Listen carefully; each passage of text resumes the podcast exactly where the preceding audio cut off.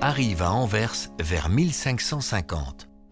À cette époque, la ville connaît un essor économique et culturel remarquable. Elle est peuplée d'un nombre considérable de personnes fortunées qui ont le goût des produits de luxe, dont les livres.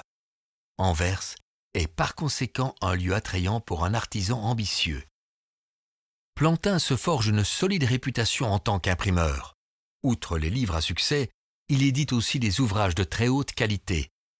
L'esthétique, ce qu'on appelle aujourd'hui le graphisme, de ses éditions est inégalée. Il suit de près l'évolution des nouveaux caractères qui apparaissent sur le marché. Il dispose aussi d'un plus grand choix que ses concurrents.